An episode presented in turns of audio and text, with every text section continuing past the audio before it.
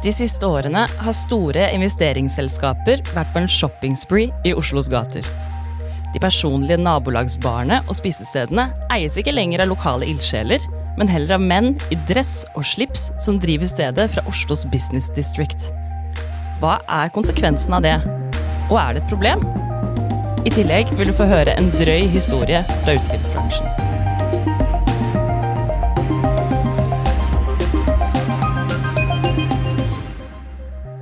Velkommen til Oslopodden, din ukentlige nyhetspodkast fra lokalavisen Vårt Oslo. Velkommen. Velkommen. Eh, det er meg, Oda Guling og Vegard Velle som skal gå nærmere inn på én nyhetssak fra bybildet den siste uka. Så først og fremst, hvordan, hvordan går det, Vegard? Jo, nå ble jeg oppsøkt av en gal mann her i eh, går natt. Ble du oppsøkt av en gal mann? Eh, så det var litt, eh, litt sovet litt dårlig. Det var en person som mislikte noe vi hadde skrevet, så han kom på døra. Herregud, sånn er redaktørlivet. Bli oppsøkt av gale menn midt på natten. Du sovet litt lite, eller? Jeg sov litt dårlig pga. det, ja. ja. Det, det, vil jeg tro. Men du er oppe og går og klar for å spille inn en ny episode? Ja, det er en veldig spennende tematikk. Vi har laget flere saker i Vårt Oslo om det her med store kjeder som tar over de mindre, små spise- og drikkestedene i byen. Mm. Fordi det er jo ikke sikkert at du som hører på nødvendigvis vet det her, men de siste årene, og spesielt etter koronapandemien og eh, nedstengingen, så er det mange barer og utesteder som har blitt kjøpt opp av større utelivskjeder her i byen.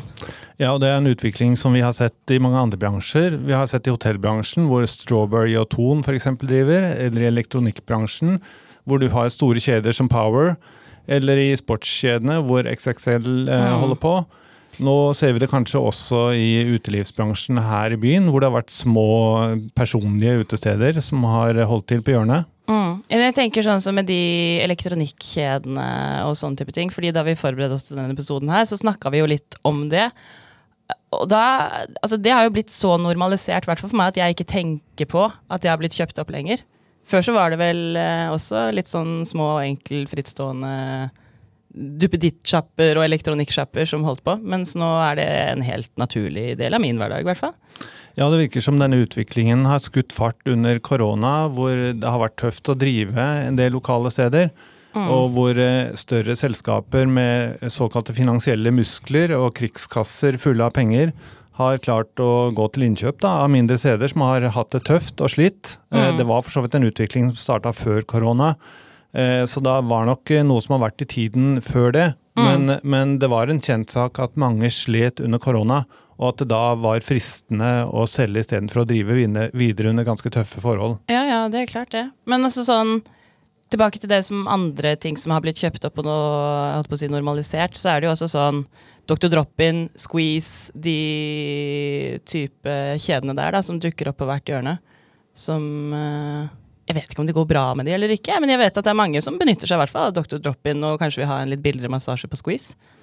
Ja, det blir uh, cutters. Uh, driver ja, også jo det, også frisørene. sånn ja, det... at det blir sånne generiske konsepter som driver mange av de uh, tilbudene som vi har rundt i byen. Mm. Men for å hoppe over, eller gå tilbake igjen til, til ute- og spisesteder. Du kan jo tenke deg et tradisjonelt sted som Stortorvets gjestgiveri, som nå mm. drives av Recom Group. Eh, eller Grand Café, som er eh, kjøpt opp av Akershus-gruppen. Er Grand Café kjøpt opp? De drives eh, av en stor gruppe, ja. Og det samme gjør Sagene Lunsjbar, et lite sted som mange på Sagene Torshov har et forhold til, som eies av Eik-gruppen. Mm.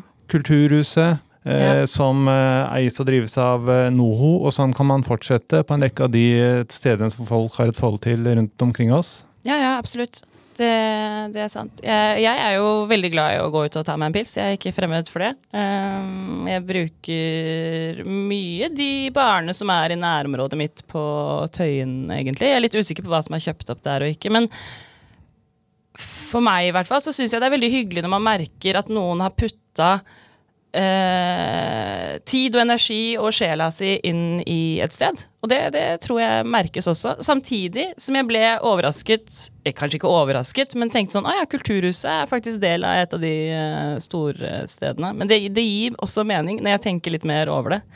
Fordi altså sånn saken er jo den at noen mener at det at de store kjedene eh, kjøper opp eh, utelivssteder, altså barer og restauranter i Oslo, at det opprettholder konkurranse, og i tillegg til at kjedene som da står bak, er en sikker betaler.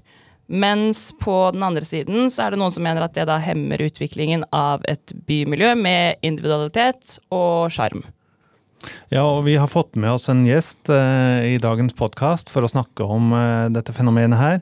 Det er eh, Tom Fredrik de Rieder som eh, driver og er medeier i Albatross på Sagene. Han har, vært, eh, han har stått bak baren i mange år.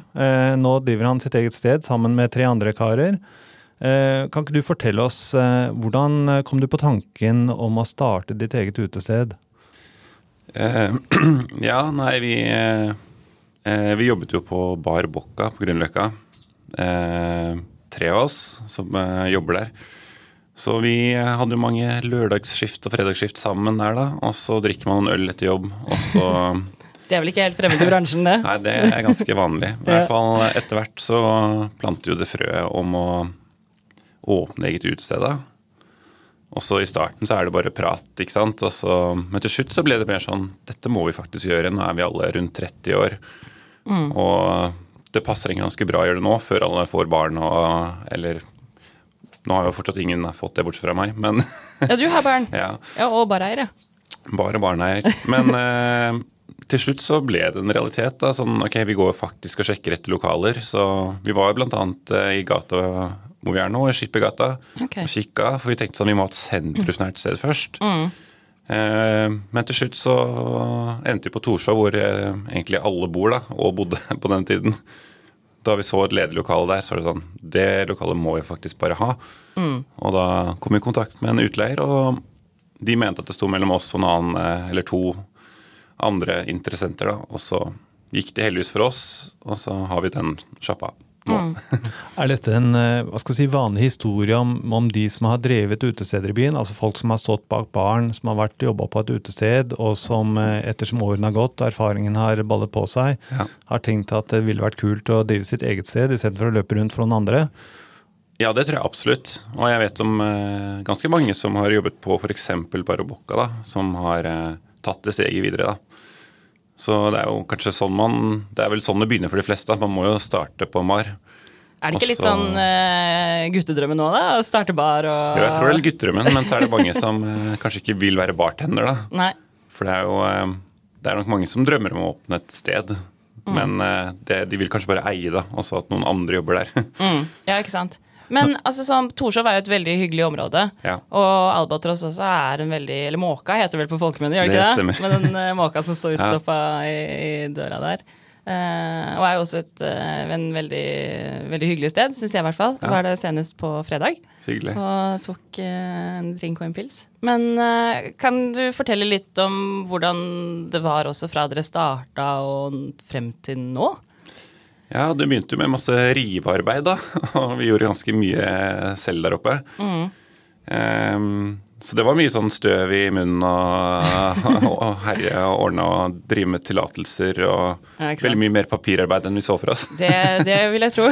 Lange dager. Ja, la, veldig lange dager. Og Ja. så fikk vi en del hjelp av utleieren på sånn papir, papirarbeid. Og også oppbygging av sjappa, for det var en frisør. Så først måtte vi rive alt, og så bygge det opp til en bar. Mm.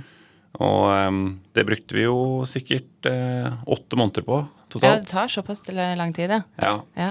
ja, altså så er vi kanskje ikke like effektive. Vi var bare tre stykker. Men vi fikk masse dugnadshjelp fra venner og bekjente. Og... Så vi Ja. Så ja, det begynte sånn.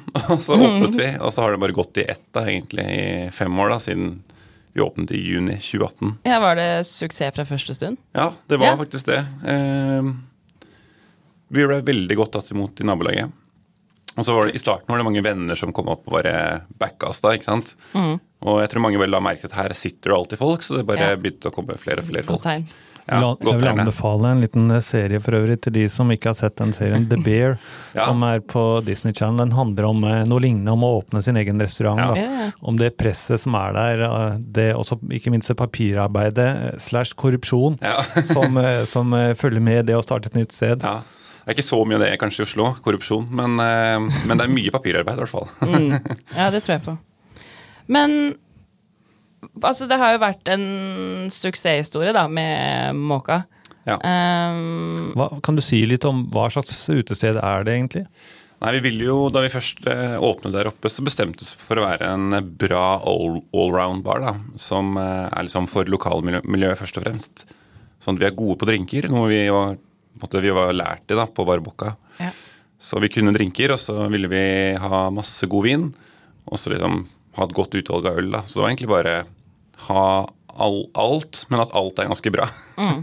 Hva er din favorittdrink av de som dere serverer? Eh, nei, jeg er veldig sånn klassisk, da, så jeg liker veldig godt å drikke Negroni, f.eks. Ja. eksempel. Men, eh, men vi har jo en egenkomponert meny som eh, ja, med husets rinker da, som eh, er, pleier å være veldig populær. Mm. Er det, er det det som trekker folk til, eh, til Måka, da? Eh, Til Albatross? Eh, Det at dere har et variert utvalg av eh, drikkevarer? Ja, det tror jeg så absolutt. Og så tror jeg mange kommer bare for, fordi det som regel er veldig god stemning der, veldig hyggelig der. Så liksom, og de fleste bor vel på Torshov eller Sagene, vil jeg tro. Så kort vei til en hyggelig bar, da. Nabolagsbar. Ja. Ja.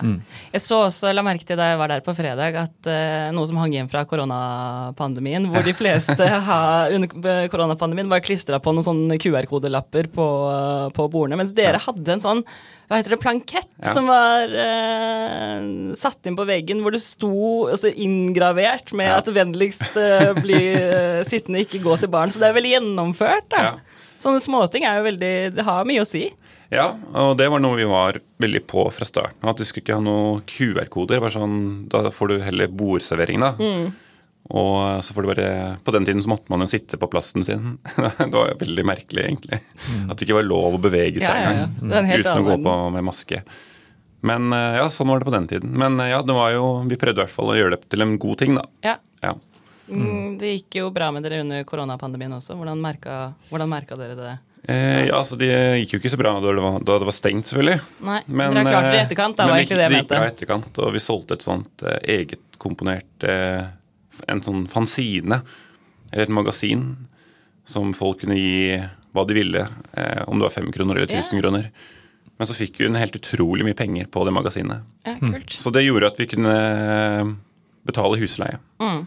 For vi fikk jo statsstøtte, men den var jo ikke 100 ikke sant? Nei, og det var mye frem og tilbake der. Og mye frem og tilbake. kom, Så bare den, den, den hjelpen var helt utrolig. Så mm. Men betyr at man utlei- har utleieren skulle ha pengene for, eh, for eh, stedet dere drev? Selv Ja, om det var de skulle ha leiesida. Mm. Men de var, de, had- vi hadde en god dialog med dem, men det var jo aldri noe tvil om at den leia må betales. Hvordan vil du si at det er å drive et uh, utested i Oslo i dag, da? Eh, nei, jeg syns jo det er veldig gøy, for først og fremst. Og så er det jo ekstra gøy eh, Det er litt lett, lettere når det, er, når det går bra, da, selvfølgelig. Det er klart det. Så um, vi kjenner jo ikke på sånn eh, vanskeligheter økonomisk akkurat nå, heldigvis. Og da er det jo gøy å drive et utested. Så nå er det hyggelig og gøy.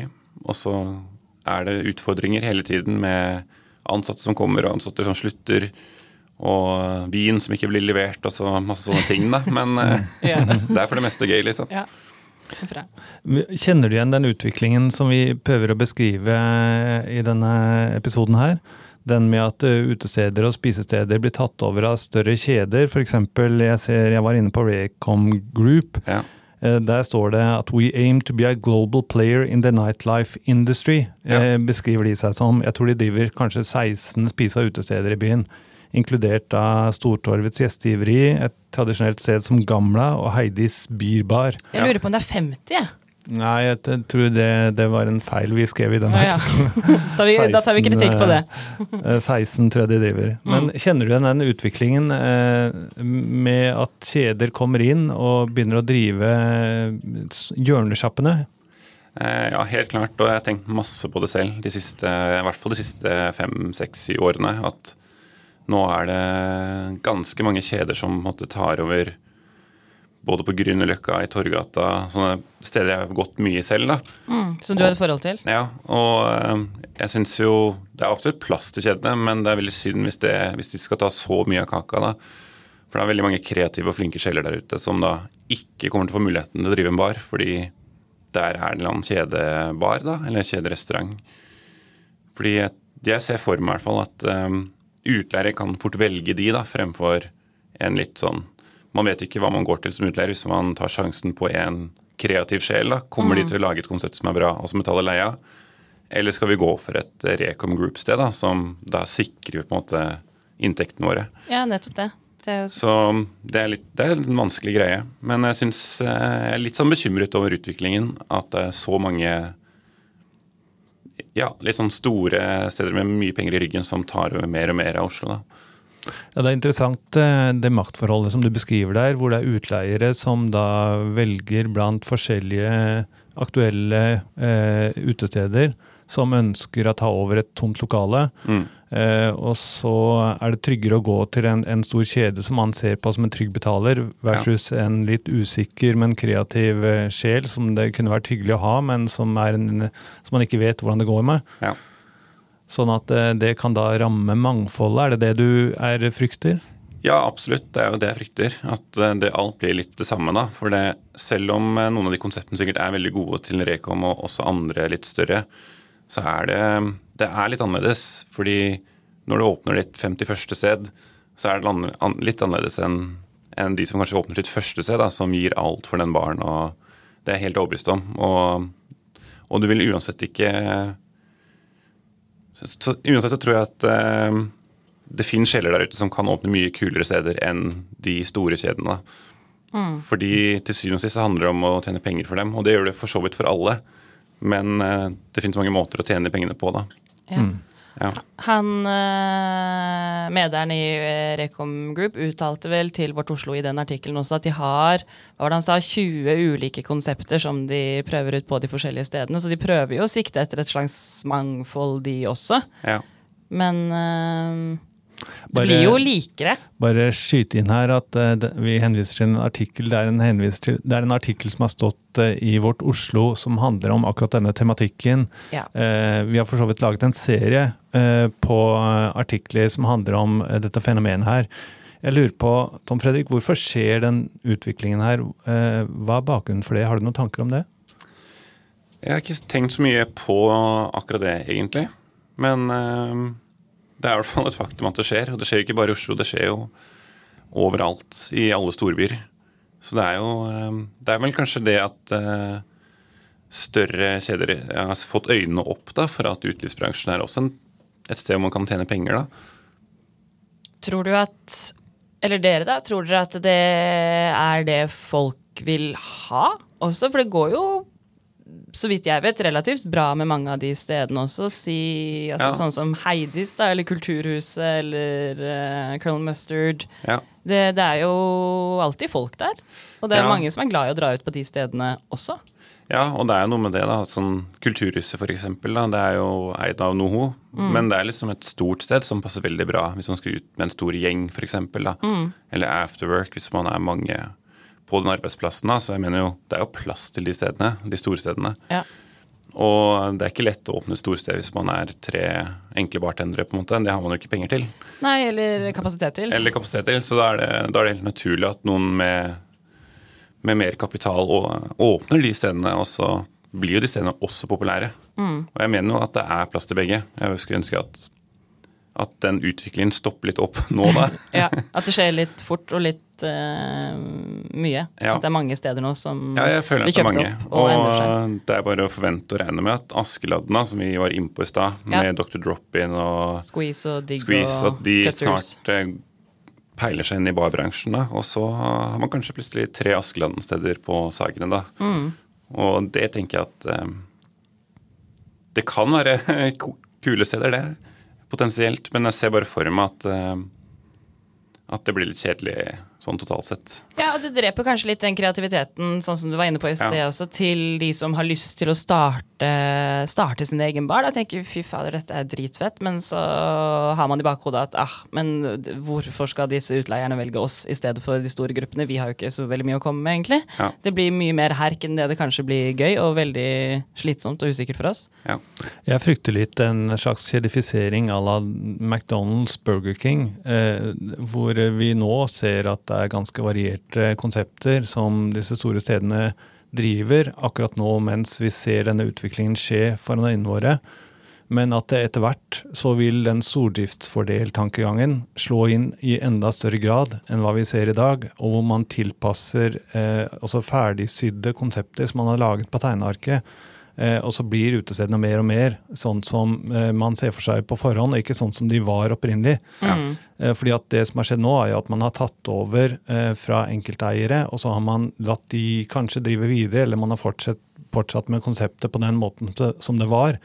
Men etter hvert som disse kjedene eh, driver disse stedene fra før, så blir det jo også de som må tenke ut hvordan de skal være i fremtiden. Ja. Og da kan vi jo kanskje komme til å få se sånn at det blir McDonald's som, som er veldig likt konsept over hele verden. At vi får se sånne typer konsepter over hele byen. da. Ja. Eh, mer, og mer, mer og mer likt. Eh, sånn at eh, vi ser kanskje ikke den sjelløse, generiske utviklingen som vi frykter. Det, det tapet av mangfoldet. Det ser vi kanskje ikke så langt, men, men jeg frykter at det kan komme til å skje i, i fremtiden. Ja, og det frykter jeg også.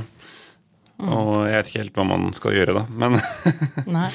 Hvis eh, det skranta på for økonomien på Albatross, ja. hadde du vurdert å la dere kjøpe opp? Eh, I utgangspunktet så er svaret nei, altså. Mm. Men eh, da tenker jeg sånn, da får vi heller bare legge ned. Ja. Gå ut på Ja, stoltheten i behold? ja.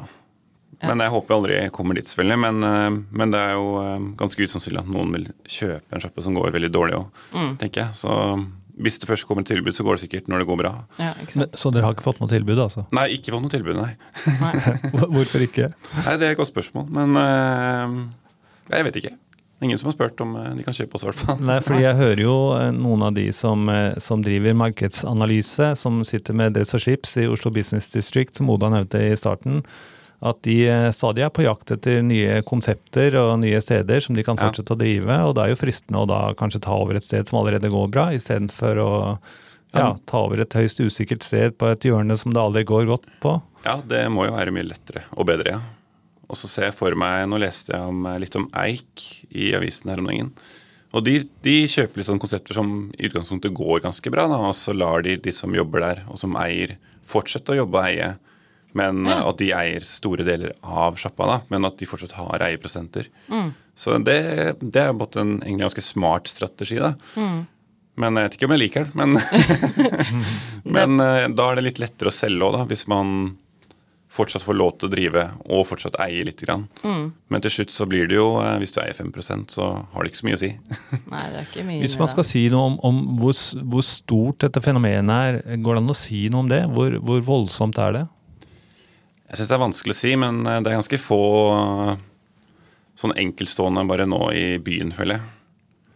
Enkeltstående barer. Det er sånn Ikke langt Ja, er herfra så ligger det Ostarabar, som er en veldig kul sjappe, Ja, ja. da, som er helt frittstående. De gjør masse kule ting. Mm. Deilig mat og, og ekstremt sånn kreativt. Hvis du titter opp i taket, da, så er det masse sånn ting som henger ned, og blomster og Ja, de har også en veldig kjent eh, do, som det er Ja, mange som liker å ta liksom, selfies på. Det er sånn typisk sted som jeg er helt sikker på det ville aldri en kjede åpnet, ikke sant? Nei. Nei, de har ganske mange bra eventer og Ja, sånt også. er liksom- kreativt, kreativt Det fins veldig få sånne steder i sentrum, da. Mm. Vi, vi ser jo noe av det samme i mediebransjen også, men når jeg ser for meg en som driver et utested, så ser jeg for meg en litt sånn scruffy kar i jeans og langt hår, som sitter på bakrommet og styrer både personal og Mm. innkjøp og står litt i baren, er, på, er litt på dugnad. Det samme har det jo vært i mediebransjen, hvor du har hatt litt scruffy redaktører som har hatt sin personlige tanke rundt hvordan å drive en avis. Mens Ja. nå er jo tre store konserner som driver avisen i Norge, og svært få ja, frittstående aviser igjen. Dette er jo en utvikling som vi har sett i en rekke bransjer, nå også da eh, i utelivsbransjen i Oslo. Ja. Du sa i stad, Tom Fredrik, at du hadde en liten historie fra uh, Utelivs-Oslo Ja. om uh, hvordan det er å stå i bar, eller eh, være bareier. Jeg vet ikke hvilken av de perspektivene det kommer ut fra, jeg. men uh... ja, nei, altså Der vi jobber nå, på Albatross, så skjer det egentlig ikke så mye spesielt og crazy. Men eh, husker eh, tidligere så jobbet jeg på Pauls butikk Ja. i noen år. Og så husker jeg, der var det jo Også det, legendarisk bar i Oslo. Legendarisk bar, ja. Det Mm. var jo sånn eh, årets eh, Vant selvfølgelig årets beste bar i Natt og Dag en periode, og det var Ja. stappfullt på det minidansegulvet i kjelleren. Så husker jeg en kveld jeg sto der i baren med min kollega Tyrone. Mm. og det, var, det kokte skikkelig, så det var full, eh, full bar, og den kjelleren var jo alltid stappa. Men plutselig kommer alle opp. Jeg bare, Hva er det som foregår der nede, liksom? Og alle bare ja, 'Dere må ned og sjekke', liksom. Og jeg bare Tyrone, skal, jeg kan gå ned og sjekke hva som skjer. Ja. Og den eneste personen som er der, er han DJ-en, da. Okay. Så han var sånn ekte god DJ, det, som holdt ut. For der nede det lukter altså helt forferdelig. Mm. For der er det en eller annen fyr som uh, har bæsja midt på gulvet. Nei, Jo, kødder du, eller? Og det var liksom uh, ordentlig forferdelig opplegg, da. Så han har satt seg ned på dansegulvet Ja. og bare pressa ut? Ja, så det var jo helt flytende i tillegg. Så det var sånn Han DJ-en han sto og holdt seg for det. Så 'Dette må dere fikse så fort som mulig.' Og jeg bare Shit. Men for en helt av en DJ som Ja. står der ennå. Jeg tenker at musikken, den skal i hvert fall Ja, fortsatt den skal snurre. Ikke, han var skikkelig profesjonell, så han sto der og snurra og ordna det. Og så måtte jeg opp i baren, og Tyrone, hvem tar denne? Det blir stein, saks, papir. Så ble det han eh, Tyrone som måtte ned og Ja, det ble han, ja. fikse opp i det, og så bare kaster vi masse klor ned på gulvet der, husker jeg. Og, og etter hvert så kom alle tilbake, da, men det Mm. var sånn eh, utrolig spesielt. Ja, det, det tror Og til slutt så fant vi jo faktisk eh, både buksa hans og bokseren hans i et hjørne, så jeg skjønner ikke helt eh, hvordan han kom seg ut av det lokalet uten at det ble lagt merke til. Nei, det er jo veldig rart. Du legger jo merke til Men det fins en eh, nødutgang der nede, så han, vi tipper jo han har kanskje gått ut den, da. Ja, det kan hende. Eh, Jeg håper at dette ikke sier noe om de som drev stedet. Nei, det gjør det ikke. Men, eh, men ja, det var i hvert fall en eh, drøy historie, da. Ja, ja, ja. Ja, ja det, er noe med, det er noe med altså, lukten av et annet menneskes bæsj. ja det var ikke noe særlig, altså. Nei. Vi får håpe at det ikke skjer på Albatross. Nei, det håper jeg ikke skjer, altså. Nei. Det, Jeg tror at det er det vi rekker for i dag, rett og slett. Tusen takk for at du eh, kom til oss, Tom Fredrik de Ridder. Eh, Før du skrur av denne episoden her, så vil jeg gjerne komme med en liten anbefaling. Fordi i går så slapp vi nemlig en helt ny podkast, Listeplass. Så hvis du er interessert i musikk, kultur og uteliv i Oslo, så anbefaler jeg deg å høre første episode av Listeplass etter at du har hørt denne. Oslopodden er tilbake med en ny episode neste torsdag. Abonner gjerne på oss i podkast-appen, og følg Vårt Oslo på sosiale medier, eller les oss på vårtoslo.no. Vi snakkes neste torsdag.